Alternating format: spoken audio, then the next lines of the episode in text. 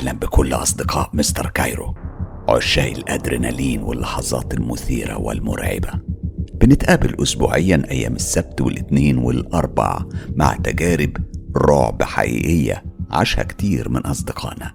الليلة لولا هتحكي لنا على مجموعة من التجارب اللي عاشتها بشكل شخصي أو عاشها بعض أصدقائها. الحقيقة قام بإعادة صياغة المجموعة دي من التجارب وهم ثلاث تجارب على التحديد مرعبة جدا. وليد جمال مبدع قناة مستر كايرو والمشهور باسم الساحر. أنا مش هضيع وقت أكتر من كده وهبدأ أحكي على طول. وليد بيقول أنا دايما شغفي بحب رعب الفنادق دايما بيوفر لي الفرصة إن أنا أكتب فعلا وأعيد الصياغة بشكل يمنحكم اللحظات اللي أنتوا بتدوروا عليها. لحظات كلها أدرينالين ورعب وإثارة. خصوصا إن القصة دي مش قصة عادية. دي قصة في منتهى الرعب. بشكر الصديقة الغالية لولا على تقديم الفرصة دي ليا. بقول لكم إيه؟ تعالوا نسمع لولا هتقول إيه. لولا بتقول. القصة دي بقى بتاعتي أنا شخصيا وحصلت لي سنة 2016 أنا غالبا ما بحبش أحكي قصصي علشان ما بحبش نظرات التعجب على وشوش الناس. لكن أنا هحكيها علشان تعرفوا إننا زي ما مستر كايرو دايما بيقول مش لوحدنا في الدنيا. وإننا لازم نتمسك بإيماننا لأقصى درجة. المهم أنا بحكم دراستي بتنقل بين دول وبسافر كتير.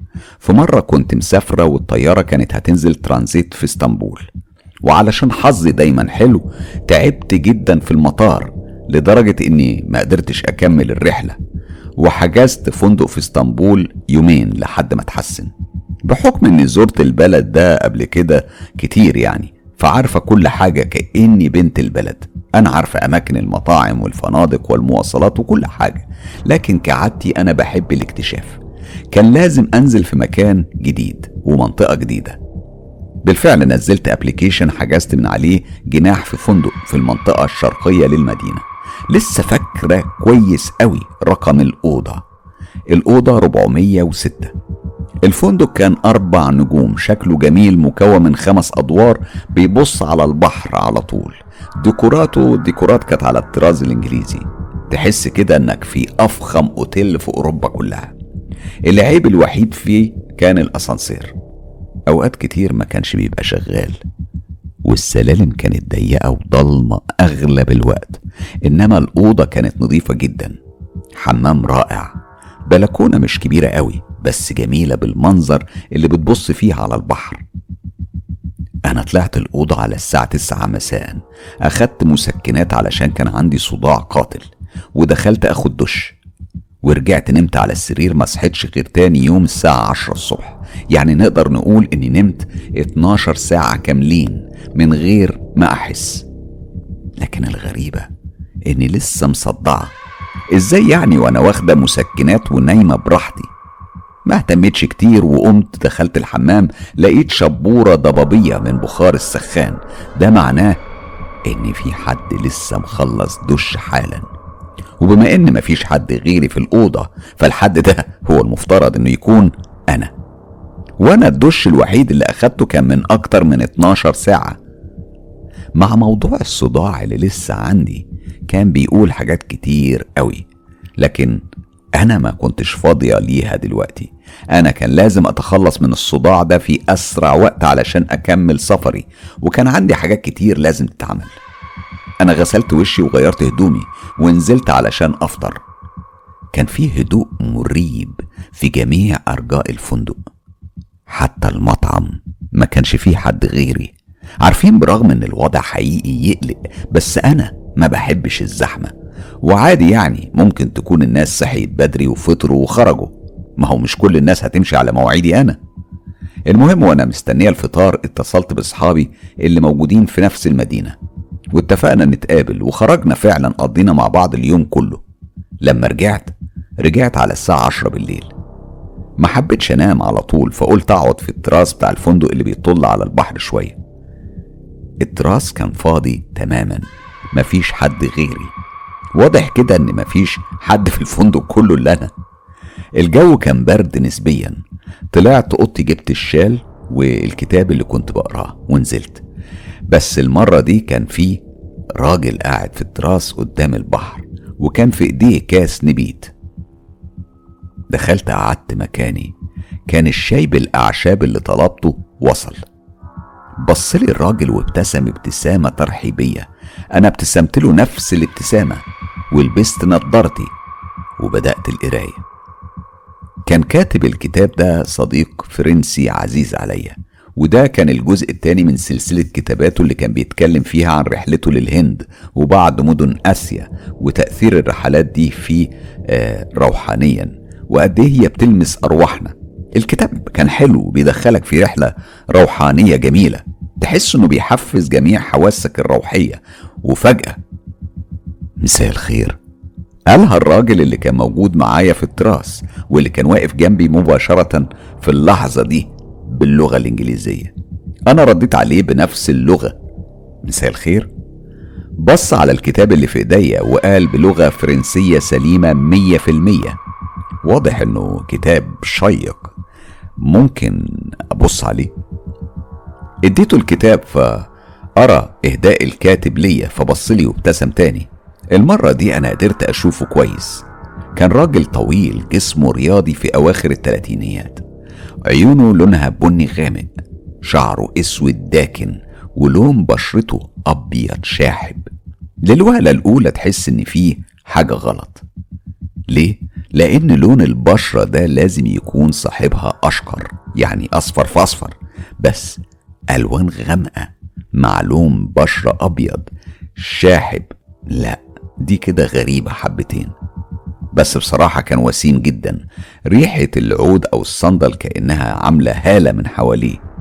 كان أنيق جدا. لابس بدلة سودة كلاسيكية وقميص أسود وكرافات أسود وشوز أسود.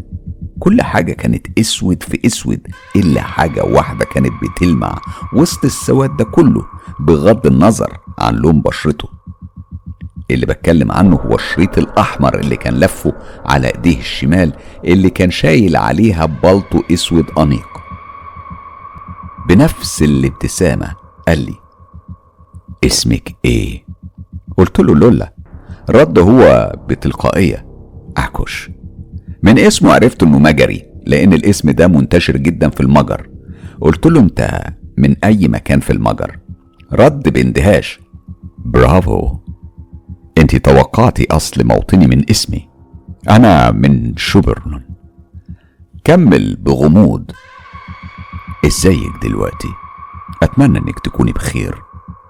هنا أنا اترعبت بس حاولت احافظ على هدوئي. هو إزاي عرف اني كنت تعبانة؟ أنا أصلا نايمة 12 ساعة وكنت مقضية وقت ظريف مع اصحابي. ده غير ان وشي مش بيبان عليه التعب من الاصل. ابتسمت وأنا بقول له لا, لا, لا أنا احسن كتير دلوقتي. قول لي انت إزاي اتعلمت الفرنسية بالطلاقة دي؟ رد وهو بيقعد أنا درست وعشت في نيس لحد ما خلصت الجامعة. فضلنا نتكلم لحد الساعة واحدة بالليل فاضطريت اني استأذن وامشي.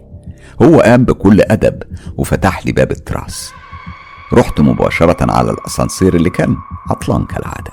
طلعت على السلم شبه مقتولة من التعب ونفس الأحداث صورة طبق الأصل من امبارح دش ونوم من غير ما أعرف إزاي وأفوق على أشعة الشمس اللي بتغزو الأوضة بس الغريب ريحة العود والصندل اللي كانت في كل مكان في الأوضة معقولة؟ الريحة تثبت معايا لحد دلوقتي؟ ممكن برضو من جمالها المهم قمت ونفس الحوار شبورة ضبابية من بخار السخان المرة دي أنا بجد خفت. طمنت نفسي إن ممكن يكون في مشاكل في الحنفيات أو في المواسير بتسبب البخار الدائم ده في الحمام. بس هو مش بخار. هو بس مش بخار لأ في رطوبة كأن حد لسه مخلص حمام حالا. المهم أنا طمنت نفسي علشان مركزش وغسلت وشي وغيرت هدومي ونزلت المطعم علشان أفطر. كانت الساعة تقريبا تسعة. بس المرة دي بقى كان في ناس معايا. هما مش كتير بس على الأقل كان في حد غيري. وأنا بفطر قلت خلاص أحجز بقى طيران علشان أخلص. فتحت ال application وللأسف كان أقرب طيارة بعد 24 ساعة كاملة. قلت لنفسي مش مشكلة ليلة كمان وهتعدي. خلصت الفطار ورحت على ال reception قلت لهم إني عندي مشكلة في الحمام ولازم تتصلح قبل ما أرجع من بره أو حتى يغيروا لي الاوضه كلها. وإني عايزة تاكسي بكرة الساعة 7 الصبح يوصلني المطار. خرجت أشتري شوية حاجات وأنا عند الباب كان داخل عكوش مبتسم لي كان بيبتسم. فقلت في بالي أقرب منه وأصبح عليه وبالمرة أشم ريحة البرفيوم وأتأكد هل هي دي نفس الريحة اللي كانت في الأوضة الصبح ولا لأ. في نفس اللحظة اللي شميت فيها الريحة كان هو بيقول bonjour وحسيت بجسمي بيبرد بشكل غير عادي. رديت عليه الصباح فطلب مني إن إحنا نتقابل بالليل زي امبارح في ال terrace. معرفش ليه أنا وافقت بدون اعتراض وسبته وخرجت أجيب الحاجة اللي عايزاها. خلصت ورجعت الفندق على ال reception علشان آخد مفتاح الأوضة الجديدة لأني متاكده إنهم ملحقوش يخلصوا الصيانة في الأوضة بتاعتي. لكني اتفاجئت بيهم بيقولوا لي إنهم فحصوا الأوضة بمنتهى العناية والأوضة ما فيهاش أي مشاكل من أي نوع. أنا أصريت إني أغير الأوضة. هما بلغوني إن مفيش أجنحة فاضية غير في الدور الخامس. جناح ملكي رقمه 501 وسعره أعلى من الجناح اللي أنا فيه. وده معناه إن السلم هيقطع نفسي بس أنا قلت لنفسي مش مشكلة ليلة وتعدي دفعت الفرق. وطلع معايا عامل من خدمة الغرف نقل شنطي وحاجتي من غرفة 406 للغرفة 501 غرفة أكبر طبعا وفيها ماكينة قهوة وشغلانة. حتى الديكور والتابلوهات كان شكلهم أفخم بكتير من أوضتي القديمة. أنا استمتعت شوية بالأوضة لحد ميعاد العشاء. قلت هنزل أتعشى. لو لقيت أكش يبقى تمام. ما لقيتهوش هسيب له خبر في المطعم إني كنت مستنياه ولما ما جاش أنا مشيت. طلبت الأكل من المطعم يجيلي في التراس وجالي الأكل وخلصته. وأنا بلقي آخر نظرة وداع على إسطنبول وواخدة القرار إن أنا أقوم فجأة. ريحة العود المختلط بالصندل ضربت في المكان. طبعا كلكم دلوقتي فاهمين دي إيه. دي ريحة أكوش. لفيت لورا علشان أشوفه كالعادة في زيه الأسود في أسود والشريط الأحمر على إيديه. بيبتسم ابتسامة هادية باردة وجافة وبيقول بصوت عميق كأنه خارج من بير. إيه؟ كنت هتمشي من غير ما تودعيني؟ أنا استغربت جدا من السؤال هو عرف إزاي إني كنت لسه هتحرك؟ أنا أصلا ما اتحركتش. لكني رديت بكل هدوء وابتسامة بسيطة. لا طبعا إزاي؟ أنت شفتني قمت؟ قال بنفس الابتسامة الباردة. خلصتي أكل. قلت له آه تمام.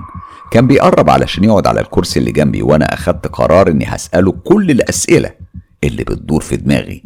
ما أنا مش همشي كده من غير ما أعرف سره إيه. بس فجأة حسيت ببرودة شديدة في جسمي زي اللي حسيتها الصبح لما قربت منه وأنا بصبح عليه. قطع تفكيري لما قال باللغة الروسية. انت سقعتي أنا هنا اتصدمت وقلت بدون تفكير. أنت إزاي عرفت اني بعرف روسي؟ زادت ابتسامته اتساع وسماجة وكمل بالروسي. امبارح وانتي بتحطي تليفونك على الترابيزة كنت بتكلمي حد باللغة الروسي وأنا قريت اللي انت كنت كاتباه. سألته سؤال بره الصندوق معرفش ليه. قولي هو البرفيوم بتاعك اسمه إيه؟ لأنه علق معايا ولما صحيت الصبح أنا كنت شماه في الأوضة. رد بتلقائية. يعني هو ما عجبكيش؟ قلت له لا بالعكس جميل جدا وفريد من نوعه كمان لأني ما افتكرش إني شميته قبل كده في أوروبا كلها. هو رد بحذر. لا ده مش برفيوم ده نوع من أنواع البخور بستخدمه. طلعت مني ضحكة تلقائية وأنا بقوله لا والله دي أول مرة أسمع فيها إن شاب من شرق أوروبا بيتعطر بالبخور. كنت متخيلة الموضوع يقتصر على جزء من رجال بعض دول الشرق الأوسط بس. بص في عينيا بصة فيها كتير من الرعب وقال بنفس النبرة العميقة البخور بشتغل بيه مش بتعطر بيه. أنا بصيت له بنفس نظرة التحفز وقلت له إزاي يعني بتشتغل بيه؟ مش فاهم قصدك إيه. فجأة ملامحه اتغيرت ورجعت لابتسامة وهو بيقول بتباهي باللغة الروسية أنا صاحب قدرات خاصة. أنا فهمت من الآخر إنه ساحر فقلت بتساؤل وأنت بقى اتولدت كده ولا اتعلمت إزاي تكتسب القدرات دي؟ بالموهبة زي ما أنت عندك موهبة التعلم وإتقان اللغات. أنا عندي القدرات الخاصة دي موهبة. أنت عندك ذكاء نادر وبتتقني مجالات كتير وده اللي حمسني إني أفتح لك الطالع امبارح. أنا رديت عليه بشيء من السخرية. ها يا سيدي والطالع بقى طلع قالك إيه؟ هنا ابتسم أكش ابتسامة شيطانية وقال أنا شفت كتير.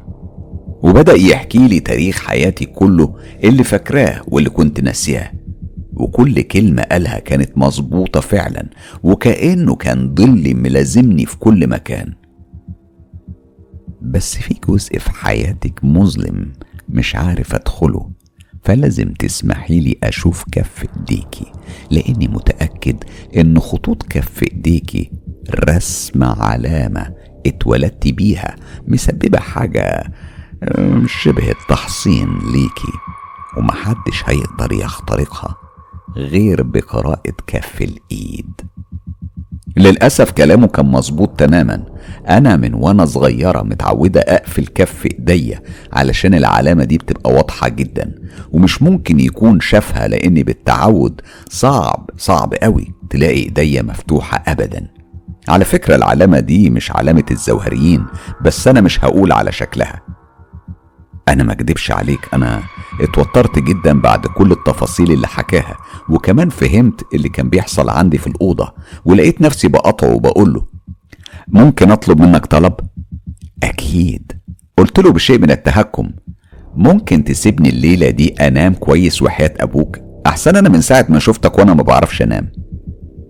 هنا اتحول وشه لشبه شيطان حقيقي وقرب من ودني وكأنه عاوز يموتني من الرعب.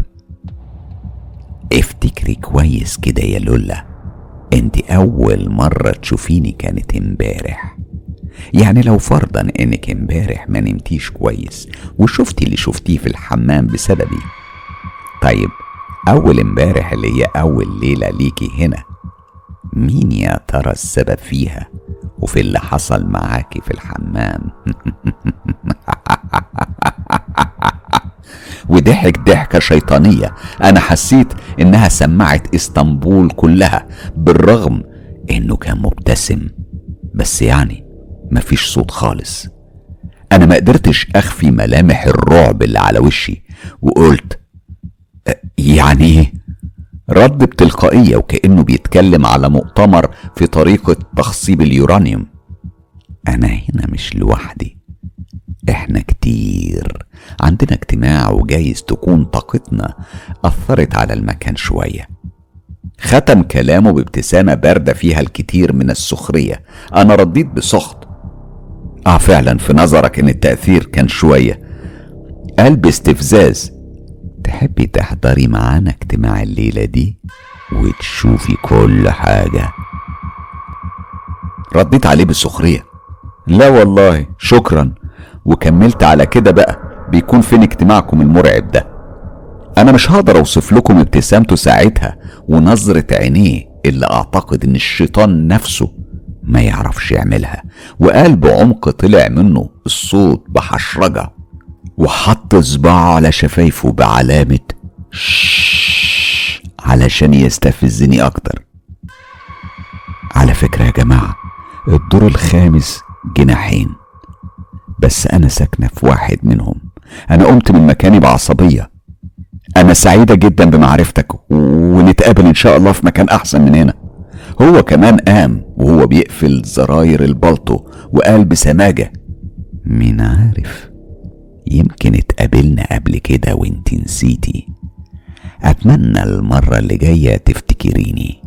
ما اكدبش عليكم كنت مستنياه يمد إيديه بالسلام علشان أحرجه لكنه خذلني المرة دي وحط إيديه في جيبه. تعرفوا اني من ساعة ما عرفت الشيطان ده وإحنا ما لمسناش بعض خالص. ده معتاد طبعا في الشرق الأوسط لكن في أوروبا بيعتبروا الراجل مش مهذب لو ما سلمش باحترام على الست. وهنا زاد رعبي. هو حقيقي؟ أعكش. موجود. مش ممكن تكون كل الأسرار اللي توديه في ستين داهية دي حقيقية.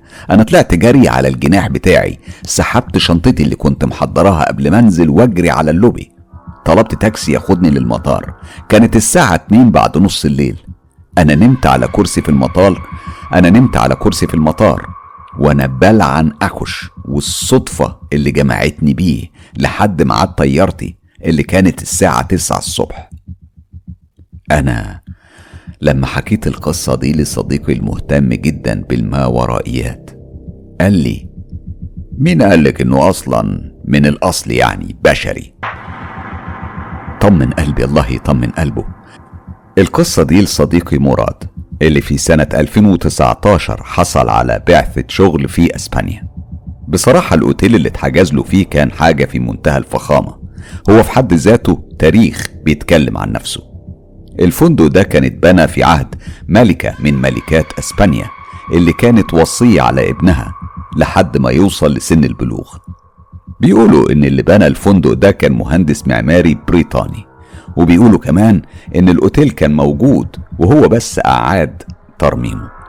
أعتقد ناس كتير من المقيمين في أسبانيا هيعرفوا الفندق ده لأنه كان عبارة عن قلعة ملكية فخمة بتحيط بها الحدائق وحمامات السباحة من كل مكان. غرف نوم ملكية بكل ما تحمله الكلمة من معنى. ليها يعني تراث رائع تراث رائع وضخم. تحس كده إنه أصلا كان مبني علشان ينزل فيه قادة ورؤساء العالم. وفعلا إيه اللي يشوف يقول على اللي بيشوفه إن قاعة المؤتمرات الضخمة اللي في الفندق ده كان بيتعمل فيها كتير من الاجتماعات السياسية والمعاهدات أثناء الحرب العالمية الثانية وشاهد قادة وممثلين إيه من ألمانيا النازية في الفترة دي. كمان بيعتبر مكان إقامة جواسيس عسكريين أو عملاء زي ما كانت الدول الحليفة بتحب تسميهم. ده طبعا من وجهة النظر التاريخية. فهل يا ترى وجهة نظر السكان المحليين للمنطقة بتتطابق مع نفس النظرة أو النظرية التاريخية؟ في الحقيقة لأ. لأن السكان المحليين بالذات القريبين من القلعة بيشوفوها بشكل تاني بيشوفوا إنها أصلا كانت سجن للخونة. والجواسيس ومخزن للأسطول الأسباني في العصور الوسطى قبل ترميم المهندس البريطاني للقلعة وتحويلها لفندق من أفخم فنادق العالم. وأعتقد إن أنا في التجربة اللي هحكيها دلوقتي أو الحكايتين اللي هحكيهم دلوقتي حالا هأكد على الكلام ده. لما وصل مراد الفندق يوم الجمعة الساعة خمسة المغرب كانت الأوضة المحجوزة له في البدروم أو في القبو. ونزل مراد من اللوبي على سلم صغير دائري. حاجة كده أقرب لدهليز بس كان شيك جدا للبدروم اللي كان فيه ممر بيوصل لأوض كتير اللي كان منها الأوضة بتاعته. طبعا أوضته ما كانتش واحدة من الغرف الملكية لكنها كانت كبيرة جدا وليها شباك كبير بيبص على الجنينة الخلفية للقلعة أو الفندق وممكن جدا يقضي وقته كله في الجنينة. أول ما بتفتح الباب بتلاقي طبعا في الوش سرير كبير وفخم وعلى الشمال الحمام وقصاد السرير على طول شاشة تلفزيون كبيرة وجنب السرير اتنين كومودينو.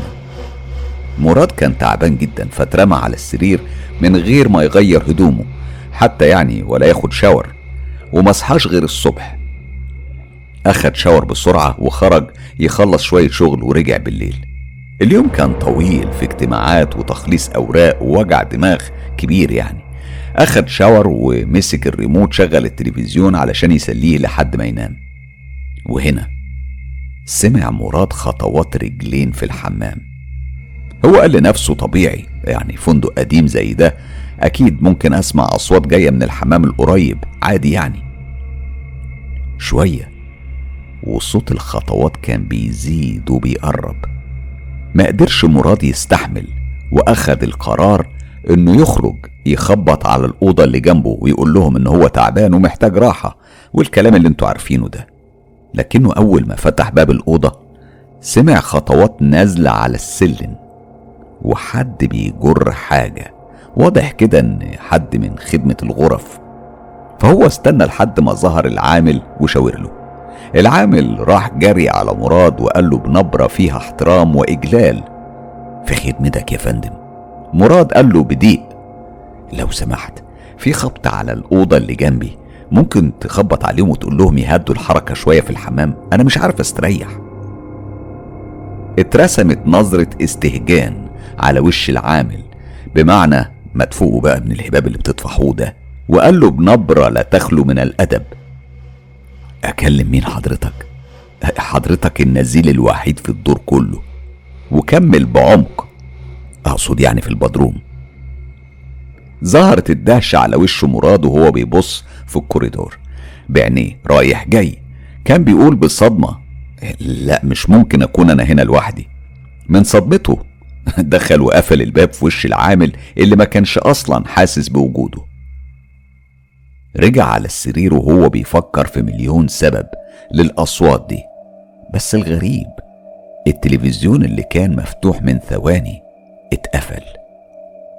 مسك مراد الريموت وحاول يشغل التلفزيون تاني لكن التلفزيون كان رافض يشتغل. مراد طلع البطاريات وعضعضها زي أي مواطن عربي صالح ورجعها في الريموت وحاول بس التلفزيون نور نور عالي جدا لدرجة إن مراد غمض عينيه من شدة النور وطفى تاني. وهنا رجع الصوت اللي في الحمام بس المرة دي ما كانش خطوات. المرة دي كان صوت راجل بيتألم صوت أنين. خاف مراد جدا وخرج من الشباك للجنينة. كان ناوي ما يرجعش الأوضة خالص وينام على كرسي من كراسي الجنينة. مع مرور الدقايق. هدى شوية ورجع تاني للأوضة. ما هو برضه لازم ينام. حب يشغل التلفزيون تاني بس المرة دي الريموت نفسه هو اللي اختفى. دور عليه في كل حتة في الأوضة ملهوش أي أثر. 15 دقيقة كاملة عدت في عملية البحث الفاشلة دي. حاول يشغل التلفزيون بإيده ما اشتغلش. فقرر إنه هينام في النور. ساب الأباجورة منورة ونام. جايز البعض يعتقد إن ده هو كان القرار المناسب بس على العكس تماما. أول ما عينيه غمضت شاف نفسه واقف في الأوضة اللي جنبه بيدور على مصدر الأصوات. هو ما كانش عارف هو صاحي ولا نايم. الأحداث كانت متشابكة بشكل عجيب. كان المكان كله على نفس الشكل اللي موجود عليه دلوقتي بس على هيئة زنزانات. حديد مصدي في إيد المسجونين وأصوات صريخ وعذاب ومشهد في منتهى البشاعة. هدومهم قديمة مقطعة وريحة دم مخلوط بعطن الرطوبة وأصوات التعذيب والجلد والصريخ جاية من كل مكان. كأنه اتنقل لعالم تاني وحقبة تاريخية مختلفة. الهدوم بتاعة المساجين بتقول إنها العصور الوسطى بلا شك. كان في الأوضة أو بالأصح يعني في الزنزانة. راجل رفيع ضعيف المرض متجسد في كل ملامح وشه. كان متسلسل من رقبته وإيديه ورجليه. رجع مراد جري لأوضته اللي لقى فيها راجل طويل. الكدمات والدم يكاد يخفي وشه بالكامل من الورم. كان هو كمان متسلسل في الحيطة بالسلاسل المصدية وقال له بصوت عميق كأنه طالع من قلب قبر قديم. أنتوا هنا دلوقتي بتستريحوا انما إحنا كنا هنا بنتعذب وبنقاوم الموت لآخر أنفاسنا. المكان ده مش للراحة المكان ده للعذاب والموت المكان ده قبر. فتح مراد عينيه لقى نفسه نايم على السرير. ولسه الدنيا ليل حواليه وكأن ما عداش عليه وقت خالص. واللي شافه مش مجرد حلم. التفت حواليه بسرعة لقى على الكومودينو اللي جنبه أو جنب راسه مباشرة ريموت التلفزيون اللي هو كان قلب عليه الدنيا من شوية وهو بيلف راسه. لمح التلفزيون شغال لكن على الوضع الصامت. مين اللي شغل التلفزيون؟ وعمله صامت.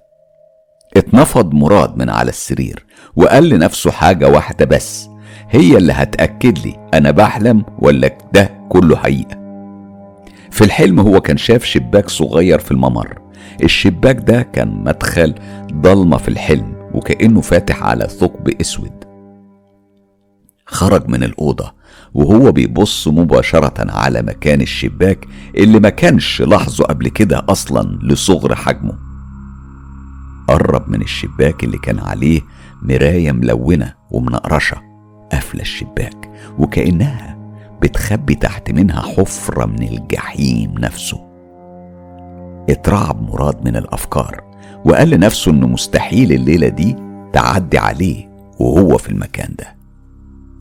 دخل يلم شنطته وحس ان راسه بتتقل والدنيا بتلف بيه وصداع في راسه كأنه حد ضربه بشاكوش عليها. اتصل على طول برقم خدمة الغرف وطلب منهم مسكن قوي للصداع واللي بدورهم سألوه لو يحب يبعتوله دكتور على الأوضة لكنه طبعا رفض بشدة.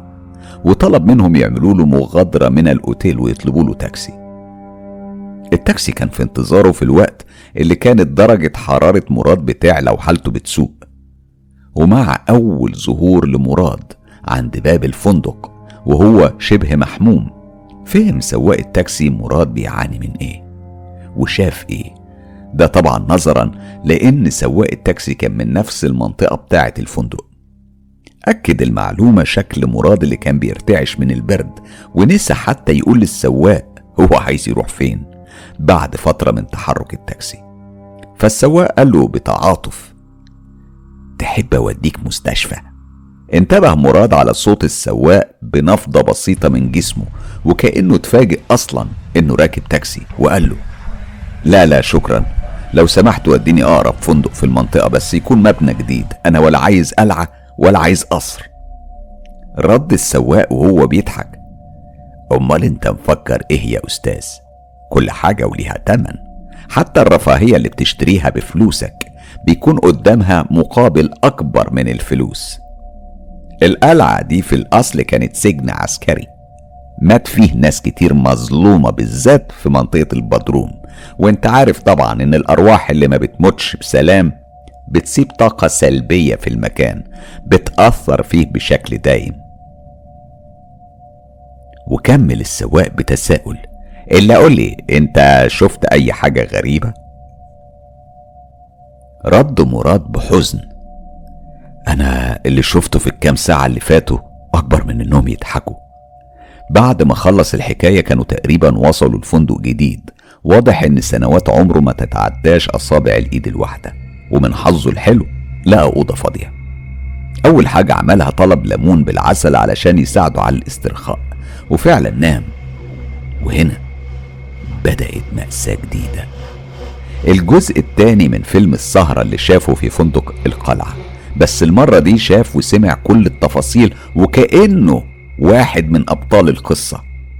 هو كان في الهول عساكر كتير بتعذب وبتقطع مدنيين. في في نص الهول ترابيزة كبيرة جدا عليها دم وقطع لحم وجلد وفرو وراس بشرية وكأنها مذبح للعجول لكنها كانت مذبح للبشر. نزل على السلم للبطرون. صوت الصريخ كان بيصم الآذان وريحة فضلات المساجين المختلطة بالعرق والدم كانت كفيلة إنها تخليه يرجع معدته نفسها. هو تماسك وقرب من الأوضة اللي كانت جنب أوضته مباشرة علشان يلاقي عينيه متثبتة في عيون مبرقة. تكاد تخرج من مكانها. كان هيفقد الوعي بس تماسك وتأمل جسم الراجل الرفيع المريض مدلدل في حبل مشنقة في زنزانته. خرج بسرعة على الأوضة بتاعته لقى عساكر أكبر رتبة من العساكر اللي فوق. وده كان واضح من زي الفرسان اللي كانوا لابسينه بيعذبوا راجل طويل وعريض. كان واضح عليه الوسامة بشكل كبير اللي اختفى أغلبها تحت الجروح والهالات الزرقاء. والدم اللي على وشه. وصرخ السجين وقال بصريخ فيه صيغة الاستعطاف. أرجوكم أرجوكم اقتلوني وخلصوني اقتلوني وخلصوني. صوت الصريخ هيجنني. خرجوا الجنود وسابوه بيصرخ لوحده وكأن عذابه بالطريقة البشعة دي بيستهويهم. وهنا أصبح مراد مع السجين لوحدهم. قام السجين بعد ما كان راقع وقرب من مراد وهو بيقول صوت التعذيب والصريخ بيوجعني. كمل ووشه بيتحول ببطء لوش شيطان بشع. وانت كنت بتشغل التلفزيون وبتعذبني أكتر. مسك مراد من رقبته وقرب وشه منه لأقصى درجة وصرخ فيه بكل قوته. وفي نفس اللحظة دي فاق فيها مراد وهو بيشهق ومش قادر ياخد نفسه وكأنه كان نايم في قاع المحيط. مراد مش عارف هو فين حاليا ولا في أي عصر. اتلفت حواليه لقى نفسه في الفندق الجديد. بص في الساعة كانت يدوب خمسة الصبح. مسك تليفونه ودخل على أسرع موقع يحجز له طيارة رجوع وفعلا بعد ساعات قليلة. مراد كان في المطار بيتصل بمديره من هناك وبيبلغه إنه حجز وراجع وإنه لازم يبعت أي حد تاني يكمل شغله حتى لو هو هيترفد لأن ما كانش فارق معاه حاجة. المدير اتوتر من الحالة اللي فيها مراد وقال له مالك بس يا مراد في إيه؟ أنا حاجز لك تذكرة في أفخم أوتيل في أسبانيا فندق خمس نجوم وكنا بنفكر نعمل لك كمان مكافأة. رد مراد وهو منهار وبيأس. اسمع أنا لا عايز مكافأة ولا فندق خمس نجوم ولا عايز حتى الشغل لو حضرتك مش عايزني أكمل. أنا ممكن ما أكملش. رجع مراد فعلا في نفس اليوم وحرم على نفسه دخول أي مباني قديمة نهائي. تعالوا نسمع التجربة التانية بعنوان فيينا كما لم تراها من قبل. لولا بتقول. من حوالي أسبوع تقريبا أو قبل أسبوع من فرح صاحبتي تانية هي عملت حفلة توديع عزوبية لبنات العيلة والصديقات المقربين اللي أنا كنت واحدة منهم. بعد الحفلة والعشاء اللي كان في مطعم فخم خرجنا كلنا. بنات العيلة مشيت وإحنا قررنا نكمل السهرة في بيت بنت خالتها أسمرة. كنا قاعدين نهزر وبنضحك وبنقول لها خلاص كده يا بنتي ودعي الحرية علشان هتوحشك. في وسط الكلام ده أسمرة سألت هتقضوا شهر العسل فين يا تانية؟ ردت تانية بهزار معاكم يا فقرية متخيلة هقضيه فين يعني؟ وضحكت ضحكة عالية وكملت إحنا هنأجل موضوع شهر العسل ده للصيف. ردت أسمرة بسخرية. أحسن برضو أنا بقيت بتشائم من شهر العسل بعد ما سمعت حكاية ماما وبابا وضحكت من قلبها. هنا أنا قلت لا بقى إحنا لازم نفهم فيه إيه؟ ما هو إحنا مش هنفضل قاعدين نسمع وبس. وبعدين إزاي شهر العسل يبقى فال شؤم ده؟ شهر العمر كله بنفتكره. ردت أسمرة ده على حسب هتروحي فين وإزاي. ما عليكم هي أشعلت فضولي لأقصى درجة. فقلت لأ بقى أنت لازم تحكي من الأول علشان القعدة تحلو.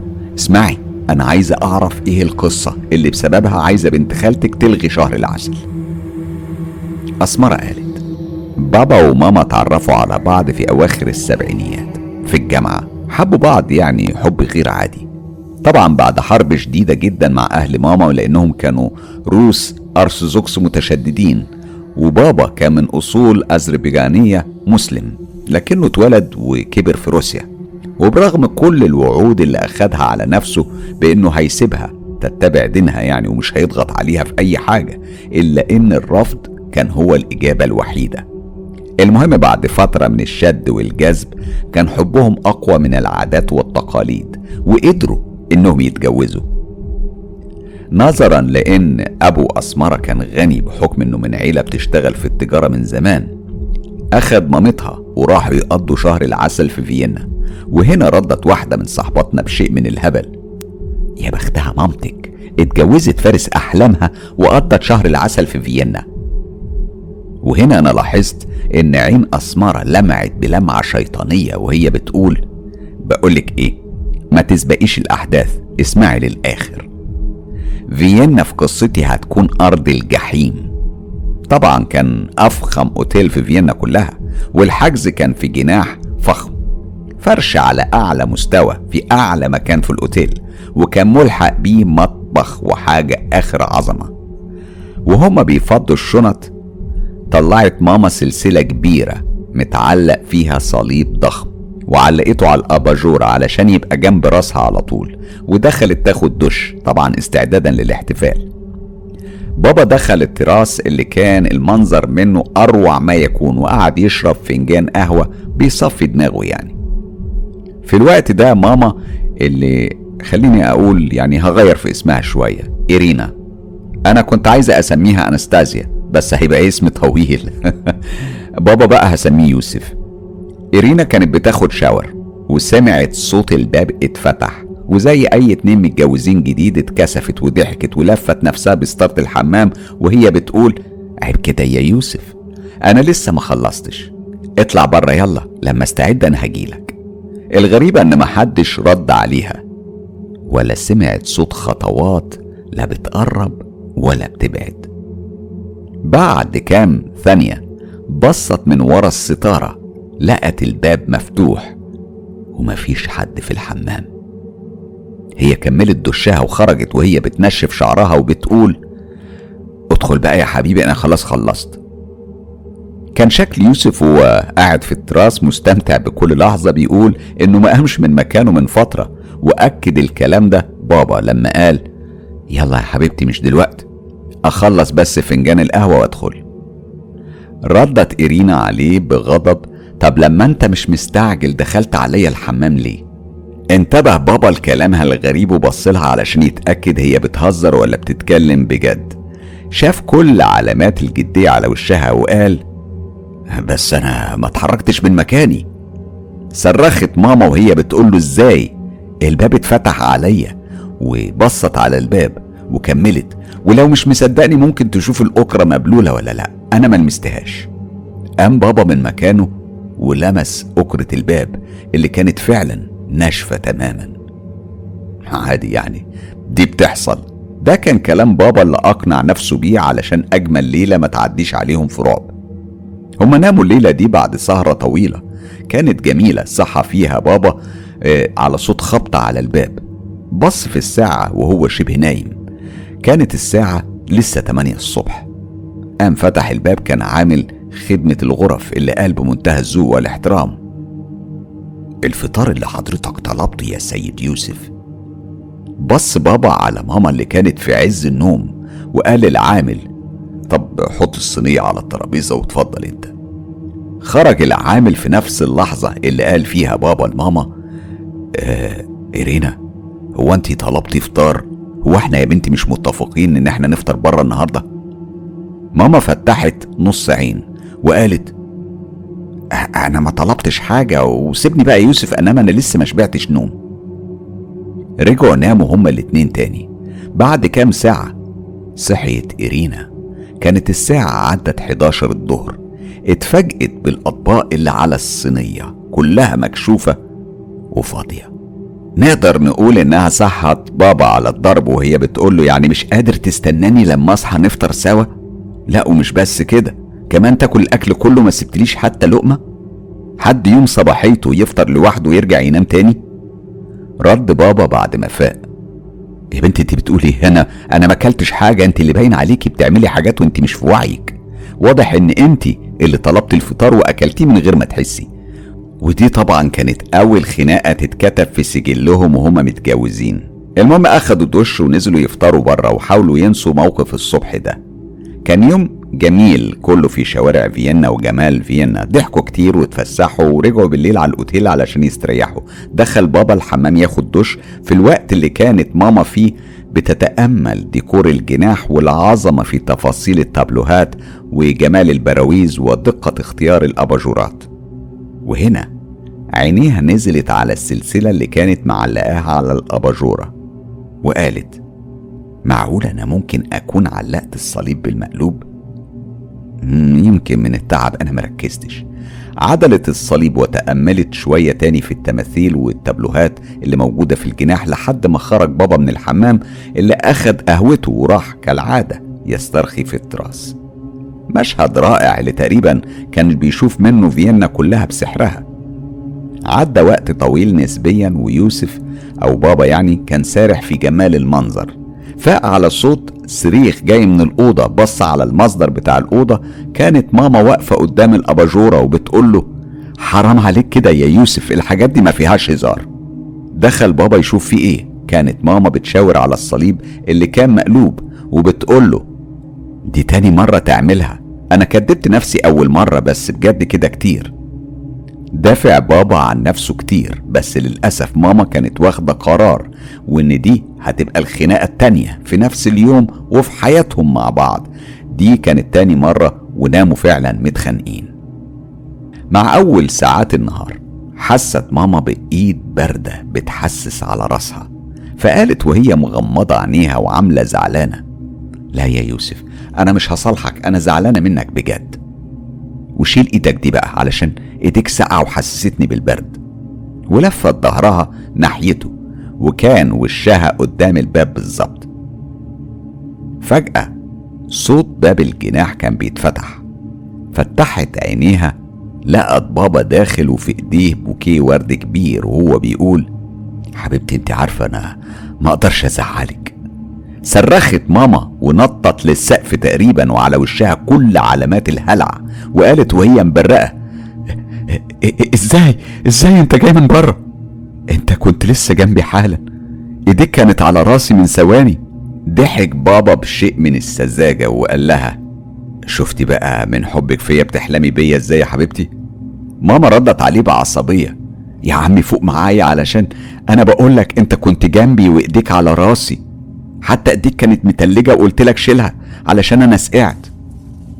رد بابا بنفس الرومانسية القاتلة وقال وهو في حالة من الهيام حلمت بإيديا متلجة علشان اللي إيده بتبرد بيكون قلبه دافي بحب حبيبته.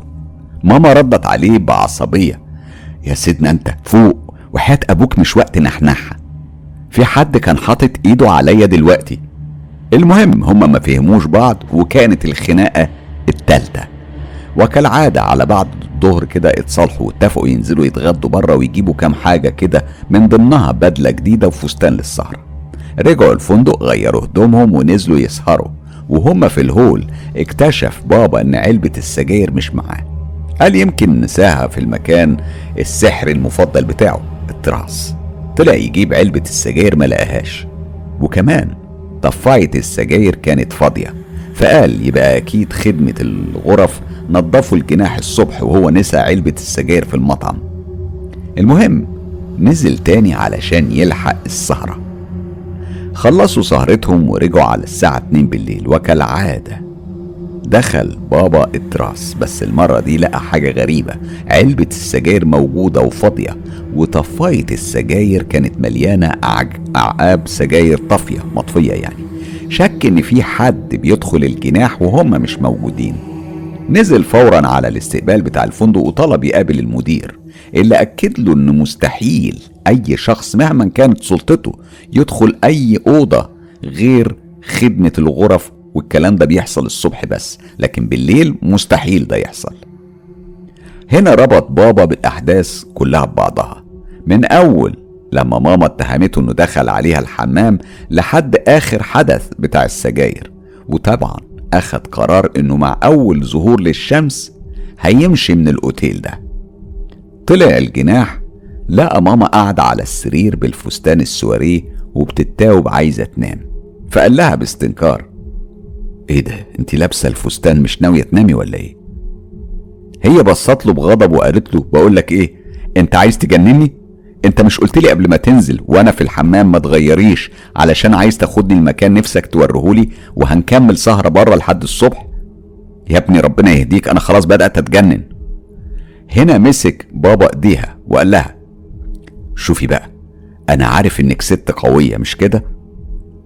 أنا قوية أيوه. اسمعي إحنا مش لوحدنا هنا في الجناح. صوتت ماما الست القوية وقال يعني إيه؟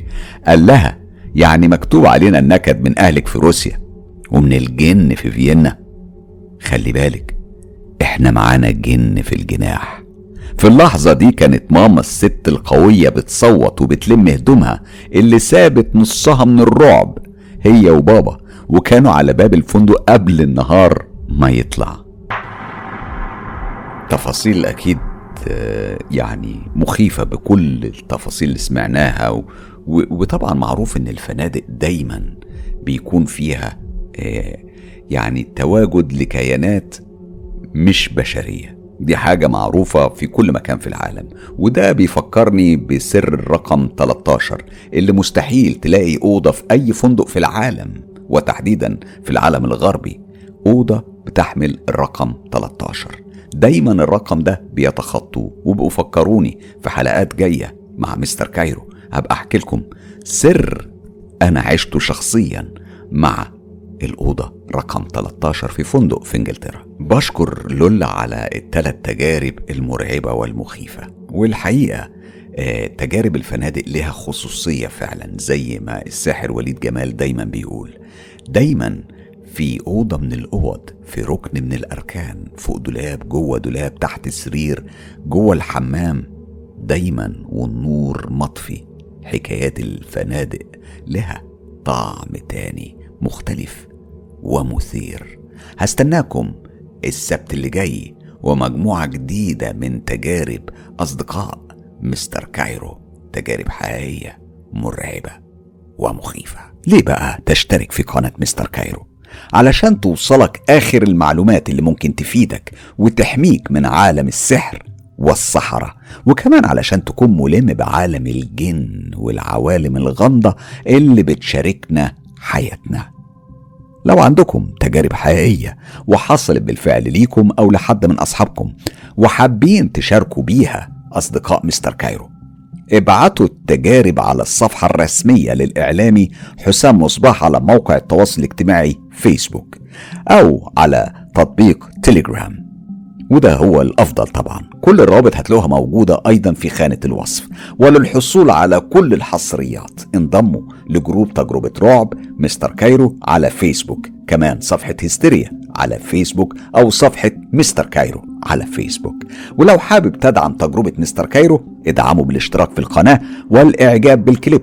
طبعا لو عجبكم و share الكليب في كل مكان. واتساب ماسنجر إنستجرام وأخيرا تليجرام. خلي الدنيا كلها تعيش تجربة مستر كايرو.